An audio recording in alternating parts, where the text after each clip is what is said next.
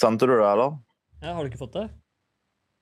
På Facebook? Ja, Hvor skal jeg ellers sende det? Du har jo ikke e-post. Jo, han er oppe og går igjen nå. Jeg har ikke fått noen fra deg på Face. Der kom den. We need to build a wall. Jonas Gahr Støre har reist rundt i landet og sagt at det er en bløff med tiltakspakken vår. It's one small step for man, one giant leap for mankind. Vi har gjort ting sammen som ikke har vært så klokt. Donald Trump is temperamentally unfit. Det er jeg som har sittet og forhandla. Hei og hjertelig velkommen til eh, nok en episode med Ærlig talt, Norges eneste podkast om politisk retorikk. Det er en stund siden sist nå, Philip.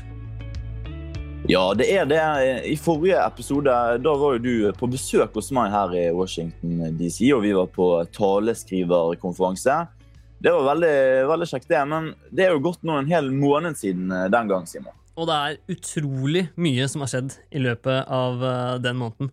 Blant annet så har det vært to presidentdebatter, og det har vært mye snakk om Donald Trumps eh, forhold til, og ikke minst behandling av kvinner. Men akkurat nå, i denne stund, like før valget, så har den praten lagt seg, og det er noe annet som er i fokus. Ja, for det at FBI nå har valgt å gjenåpne etterforskningen av Hillary Clintons e-poster og serverbruk, det har gitt Trump muligheten til å, til å nå hamre løs mot Clintons akilleshæl. Det at mange mener at hun rett og slett ikke er til å stole på.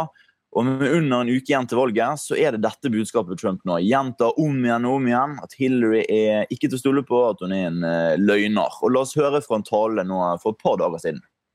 Earlier today, the FBI, after discovering new emails, is reopening their investigation into Hillary Clinton.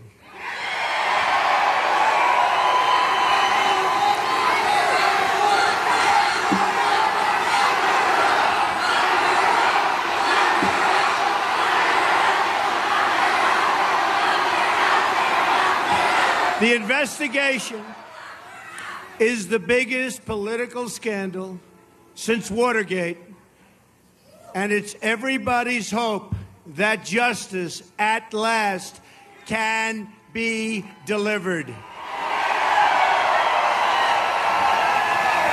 In a very brief remarks tonight, Hillary Clinton tried to politicize this investigation by attacking and falsely accusing the FBI director of only sending the letter to Republicans. Another Clinton lie. As it turned out, the letter was sent to both Republican and Democratic leaders in Congress. Dette er kjente toner fra Trump, Philip. Ja, som vi har snakket om før. Eh, Trump han, han snakker som vi gjør, som vanlige folk i private sammenhenger. Han tar ikke forbehold, og han kommer med overdrivelser. Eh, og det gjør han også her. Han sier f.eks. at dette er den verste saken vi noen gang har sett. Den er mer alvorlig enn Watergate-skandalen. Uten at han har peiling på hva som står i disse nye e-postene som FBI nå skal granske. Og dette er jo de gjengående mønster, altså såkalte hyperboler eller overdrivelser. Det er jo blitt et kjennetrekk ved Donald Trumps retorikk. Uh, og noe annet ved Trump, det er jo spontaniteten hans. Og da er vi inne på det som kalles kairos innenfor retorikken. Ja, i retorisk kommunikasjon så er det rette øyeblikket helt avgjørende. Man skal ikke bare si det rette, men det handler også om å gjøre det på det rette tidspunktet. Og si rett ord til rett tid. Og kairos, det er begrepet for dette, det er det rette øyeblikket for å si noe. Og derfor blir også kairos en slags mulighet for å handle. Det har oppstått en situasjon som taleren kan utnytte ved å si det rette. Alle har erfaring med det her. altså Du for tuller med en kompis om et eller annet, og så kommer du på et veldig godt poeng etterpå, men da er det for sent. Selv om du har det rette å si, så hjelper det ikke, fordi den rette tiden for å si det, den er over. Ja, og akkurat dette med kairos, altså å gripe øyeblikk som oppstår, f.eks. under en tale, det er jo en må jo kunne si en styrke hos Trump, men uten tvil også en svakhet. For det er jo ikke alltid det lønner seg å gripe enhver mulighet til en kjapp replikk, kanskje. Det er i hvert fall veldig mange eksempler på at Trump har grepet retoriske muligheter, men sagt ting som har gitt han store problemer i etterkant. Her er et eksempel hvor han skal snakke om beskyldninger om tafsing på damer. Han leser lenge på teleprompterne først, i dette klippet, og så holder han seg til manus, men så sklir det helt ut. Hør på det her. There was a writer from People magazine who wrote a story on Melania and myself on our first anniversary. The story was beautiful. It was beautiful. It was lovely. But last night we hear that after 12 years, this took place 12 years ago, this story, a new claim that I made inappropriate advances during the interview to this writer.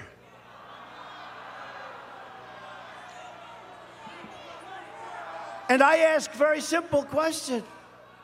Why wasn't it part of the story that appeared 20 or 12 years ago? Why wasn't it part of the story? Why didn't they make it part of the story? I was one of the biggest stars on television with The Apprentice, and it would have been one of the biggest stories of the year. Think of it. She's doing a story on Melania, who's pregnant at the time, and Donald Trump, our one year anniversary. And she said, I made inappropriate advances. And by the way, the area was a public area, people all over the place. Take a look. You take a look. Look at her. Look at her words. You tell me what you think. I don't think so. I don't think. Ja, Å gå utenfor manus, som eh, Donald Trump gjør her, det er jo noe enkelte tidligere kandidater også har hatt en eh, tendens til.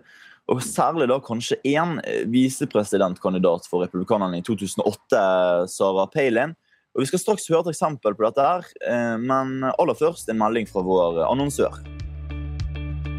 Denne annonsen er sponset av kommunikasjonsbyrået Retorika. Du finner dem på retorika.no. I dagens samfunn så er vi på nett 24-7, og vi konsumerer nyheter til alle døgnets tider. Eh, Jeg vet ikke med deg, Philip, men jeg personlig jeg er litt av en eh, nyhetsjunkie. Altså, jeg sover med mobilen i sengen, jeg har iPad under puta. Du vet, det er sånn det er. Ja, og eh, en nyhetsjunkie det er nok jeg utvilsomt også. Jeg har ikke blitt mindre av det av å være her i Washington så tett på der det skjer denne høsten. Samtidig så har jeg også lyst til å følge med på det som skjer i Norge. Jeg har jo ikke lyst til å, å henge etter. Nettopp, og det er selvfølgelig vel og bra dette at vi har tilgang til nyheter konstant. Eh, samtidig så sjekker vi også hva folk mener, hva eksperter og kommentatorer sier på sosiale medier osv. Men det kan fort være vanskelig å være kildekritisk når det går så raskt i svingene. Ja, ikke sant? For eh, med så mange ytringer hele tiden kan det fort bli sånn at man bare blir eh, konsument. Og Det er viktig å kunne være kritisk til det man leser eller hører for å forstå hele bildet. Hvem snakker, hva sier de, og ikke minst hvorfor sier de det de sier. Og for å kunne få akkurat dette overblikket, så hjelper det med noen retoriske innsikter.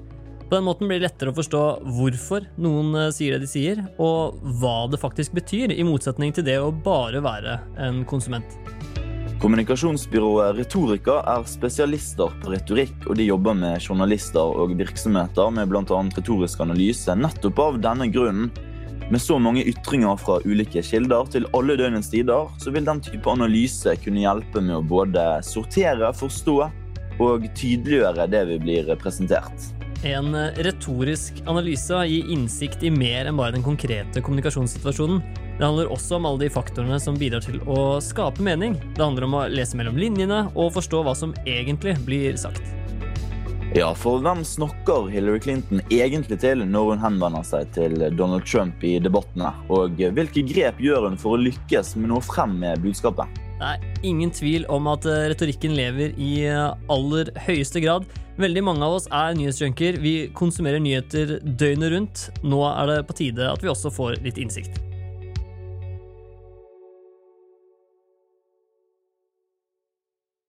Før annonsen så var vi inne på spontanitet og snakket om eh, Sarah Palin. La oss høre et lite klipp eh, for å minne oss på hvem Sarah Palin egentlig var og er. as mayor of my hometown. And since our opponents in this presidential election seem to look down on that experience, let me explain to them what the job involves.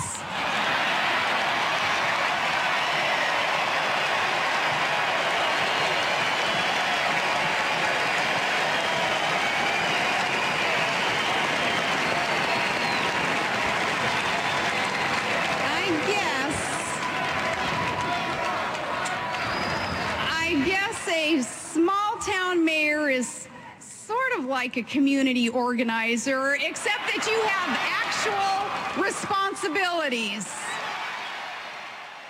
Det klippet vi akkurat hørte, det er altså fra da Palin ble nominert som visepresidentkandidat i 2008. På taleskriverkonferansen som vi var på i Washington, Philip, da møtte vi eh, damen som skrev akkurat denne talen for Sarah Palin. Hun heter Lindsay Hayes, og i 2008-kampanjen så jobbet hun som taleskriver for eh, Sarah Palin. Og senere ble hun også taleskriversjef for Mitt Romney-kampanjen i eh, 2012. Eh, Det hun sa til oss, Philip, det er at hun på et vis kan forstå hvor vondt og ikke minst nervepirrende det må være å, å være kommunikasjonsrådgiver for eh, Donald Trump. Ja, fordi at Hayes hun sa at, at eh, hun hadde det også fælt da hun eh, hørte Palin eh, fremføre eh, sine taler, som hun også da tror at, eh, at kommunikasjonsfolka til Trump eh, har det. For da, da Palin framførte talene som Hayes hadde skrevet, så satt hun egentlig bare og ventet på at uh, Palin skulle komme på noe, gå utenfor manus og dermed risikere å, å si noe veldig uklokt. Uh, og vi kan jo uh, si at det har skjedd et par ganger. Vi kan høre et eksempel hvor Palin eh, roter det til for seg selv eh, her. It's too big to succeed, so we can afford no retreads, or nothing will change with the same people and same policies that got us into the status quo. Another Latin word, status quo, and it stands for man, the middle class, everyday Americans are really getting taken for a ride.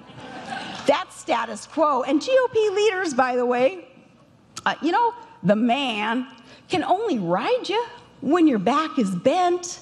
So strengthen it.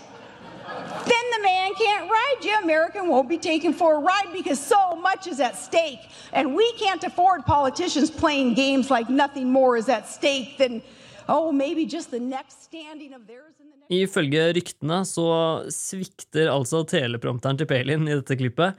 Uh, og det merkes jo kanskje. Det er jo mildt sagt en forskjell fra den talen vi hørte fra landsmøtet, og det klippet vi akkurat lyttet til nå. Eh, at hun hadde en god taleskriver, det er det ingen tvil om. Eh, og vi tok opp praten vi hadde med taleskriveren Lindsay Hayes. La oss høre på den. Okay, it's a real honor to have you here. Um, start over again. So I have the mic close. Oh, okay, sorry.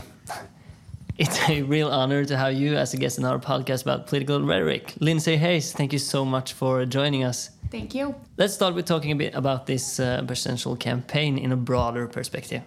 Uh, you've been working as a speechwriter in the campaign of both Sarah Palin and Mitt Romney. Now you can watch it all from the sidelines.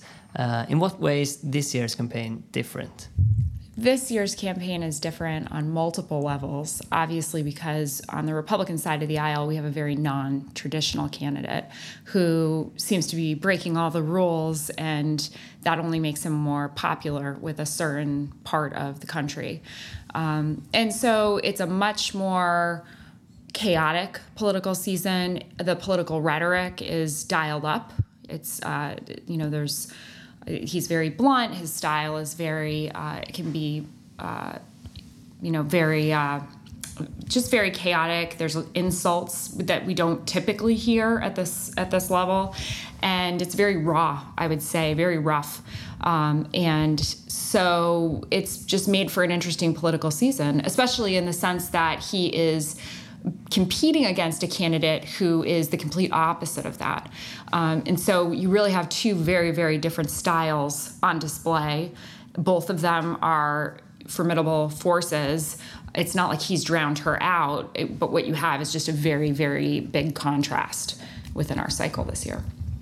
And Donald Trump's spontaneity has made uh, this campaign unpredictable.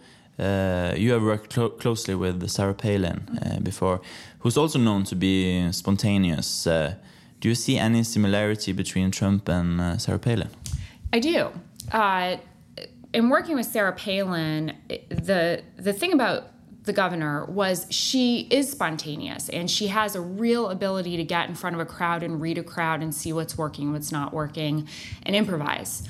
But she for the most part, especially during the 2008 campaign, knew that she had a central message that she was trying to drive, and she was not in the business of veering us off course from that and having people pay attention to all the things that weren't really what the message we were driving that day.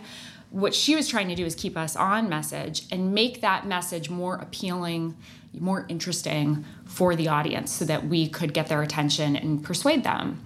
Donald Trump, on the other hand, there is he's not driving message really. Uh, he wakes up in the morning and it seems like whatever he pops into his head is what winds up in the stump speech that day. And because of that, I think it's made it very difficult for the people around him to set the message of the day and for people to really figure out actually what the Trump campaign is about. Sarah Palin, it was very clear in 2008. We had three themes we were driving with her, they were linked to policy areas. It was energy, right? Uh, and children with special needs uh, and a pro life message. And so we drove those messages through a series of policy speeches with her. It was very strategic and very thought out. And again, if she deviated, it was for that purpose to get people interested. And uh, can you relate to how uh, uh, the campaign people to Trump may feel during his his uh, speeches, like his speechwriters? How, how, how do they feel uh, when he uh, is holding his speeches? I imagine that it's very frustrating. It's not, uh, some of the things that they're dealing with are not unique to the Trump campaign in the sense that it's just that it's blown out. It's a bigger problem than it would normally be. In that, you know, sometimes you write a speech for someone and they get up and they kind of feel out the audience in the room and they figure out this isn't going to work and they will throw out the text and uh, and away you go. and you're always curious as a speechwriter to see where that where that's going to go and how it's going to land. Um, and that I can say it was someone like Sarah Palin. I was always very confident it would it would probably go in a good place in 2008 because she was ready and prepared uh, to deliver those speeches, and she's very gifted. So she's reading a room and she's telling you this speech isn't going to work or this part isn't going to work. You know she's 99% of the time right.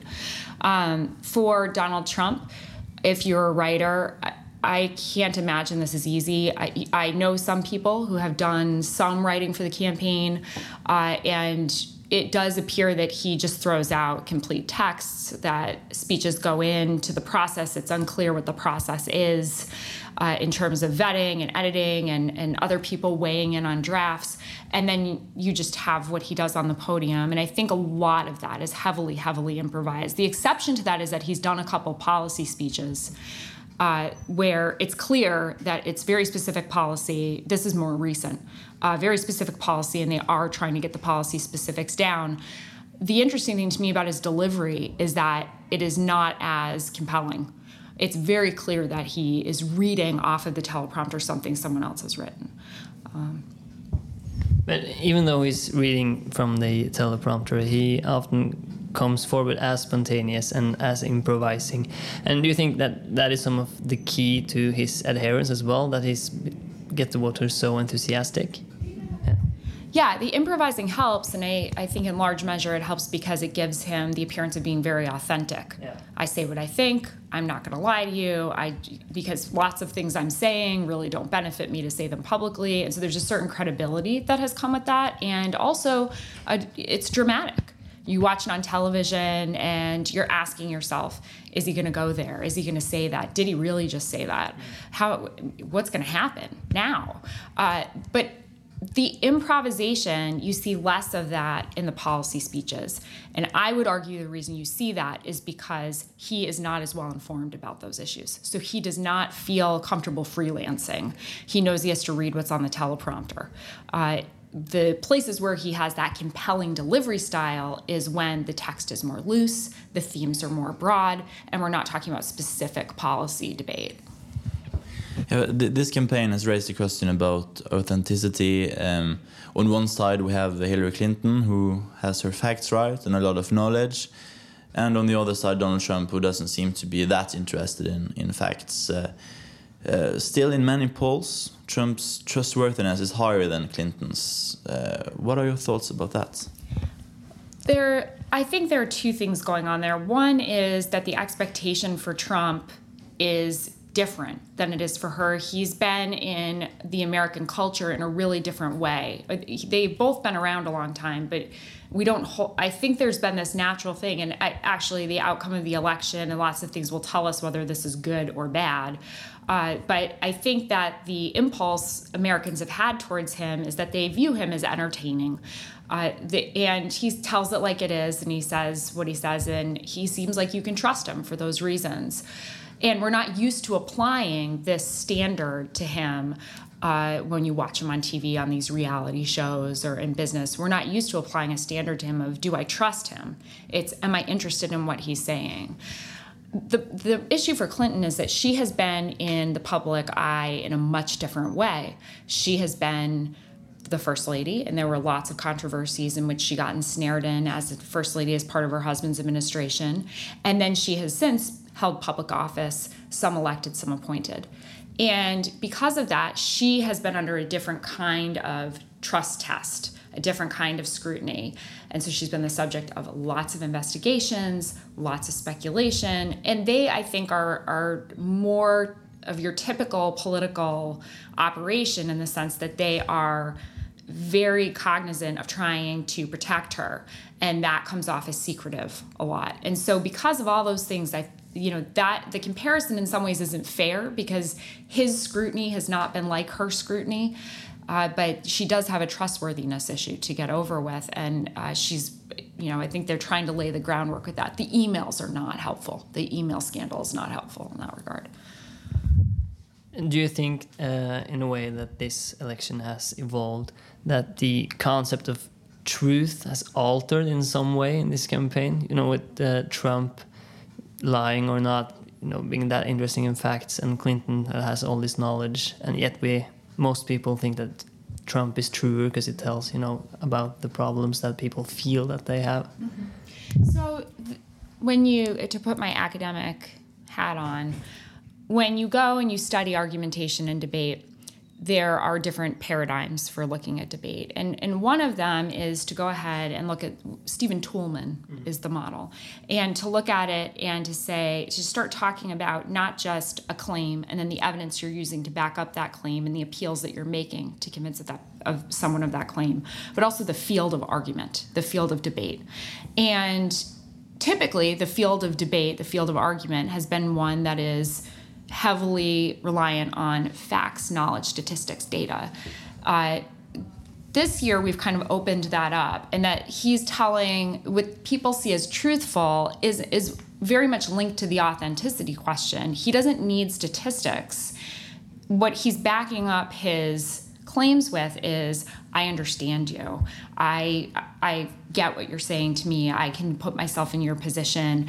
And so it's less about facts and figures and more about using the lived experience of Americans to back up the claims that he's making. That's very powerful because it speaks to you if you're in the situation he's describing. So, so do you think that uh, the rhetoric we have seen and heard in this election has emphasized a distinction between truth and honesty in some way? I think that politics always has a difficult time with truth in the sense that truth is what we're talking about when we talk about truth is objectivity right? There's the, there is an objective truth that is out there. The debt is x trillion of dollars, right? The this program will cost X amount of money. Social Security will go bankrupt in X number of years. And a lot of those facts are debatable depending on what assumptions you make. You know, you can come out with different answers. And so the thing about politics is everybody likes to use the facts that are they truthful? Sure, but they make a lot of assumptions and they like the, their facts best.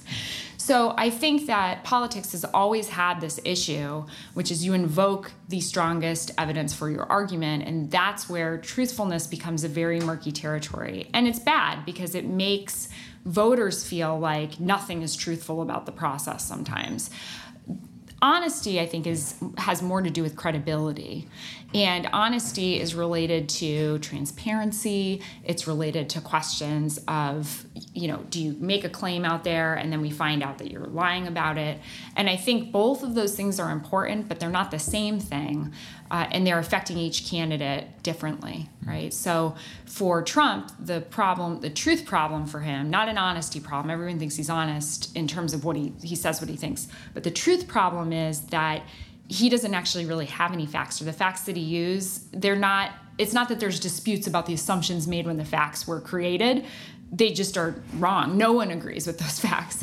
And on the other side, she has facts, I think. You know, if you went back and you asked her staff, where did the fact in that speech come from, they could tell you, and it would be credible. Uh, but she's an honesty problem because she feels to Americans, after everything we've been through, less transparent, less open, less honest. So, do you think that because uh, Trump is more honest about his feelings, then he also seem more honest about the truth and the facts? Yeah, I think what there is a incredible power. John McCain had this when we had the 2008 election, and before that, you know, where he did the whole Straight Talk Express, and he would put reporters on this bus and do interviews, and it was the posture he took was, "I'm not going to tell you what you want to hear. I'm going to tell you like it is," and Trump has that. That that's a that's kind of part of the Trump mystique or the Trump brand is even if it's hard for you to hear, I'm going to tell it to you. And so that definitely helps him seem truthful and honest to people. And do you think that the point of uh, truth and authenticity uh, also in uh, in this campaign also changes the way we will work with political rhetoric in the future? Yeah, I think that there are going to be a lot of candidates, especially the number of candidates that more than a dozen that were in the primary in the Republican Party are going to be thinking a lot more about how we relate to voters. And that's going to change the communication style. I don't think that we're to the pendulum is going to shift all the way to it's all stream of consciousness just get up there with three bullet points and see what comes out. Uh, but i do think that there's probably going to be more attention paid to this idea that does the speech sound like you? Does it does it reflect you? Do people really feel like they've walked away and just heard a speech anyone could have given or only you could have given? The irony in that is that a lot of candidates will misread that situation. And in response to that pressure or that desire they will underprepare because they think well if i'm too prepared i'll sound scripted and i'll sound less authentic. Actually the people who sound the most authentic are the people who overprepare because they really sit down with the text they study it, they rehearse it, they tweak it, they work with their writer, and they make sure that they're really comfortable. And that's what comes off as authentic on the podium. So, uh, so I think that that there will be a shift in the rhetoric. I think people are going to try to be more conversational and appeal in that way. Uh, the question is, how effective are they in doing that? Because it actually it's counterintuitive, but it probably requires more preparation to appear that way even though you are a Republican, uh, what advice would you give uh, Clinton uh, as the election day comes closer? What should she do in the next two debates? I think the thing about Clinton is that no one doubts that she is prepared, that she has a lot of experience. I think there are people uh, in my party who disagree with, may agree with the end goals. We want people out of poverty. We want to eradicate homelessness. We're worried about ISIS and foreign threats abroad. But we have, the two parties have very different ideas about how we reach those goals. So her policies, if you're a policy person, there's going to be some philosophical and specific disagreements that you just can't ever get over. And that is not a crowd she's going to be able to convince. But there are people, disaffected Republicans, who are very disappointed with the Trump pick and very worried about what it means for both the country and the world. Uh, those people are gettable. They could go libertarian. They could go to Gary Johnson, who actually, if you look at his numbers, is having a real impact in this race. Um, but I think the people that are most movable for her are, frankly, the demographic groups of millennials who supported Bernie Sanders, support Elizabeth Warren, wanted her to run or be picked as VP, and uh, and and white college-educated women. That's if you look at the demographics, uh, that's that's what the demographics will probably tell you. And along those lines, I think the message that is most appealing to them is this personal connection that you want to have with her, where it, it, she hit it right on the head and the nail right on the head at the debate the other night when she talked about her dad. That was a great moment and it, you it was surprising. It's a side of her you don't see very often.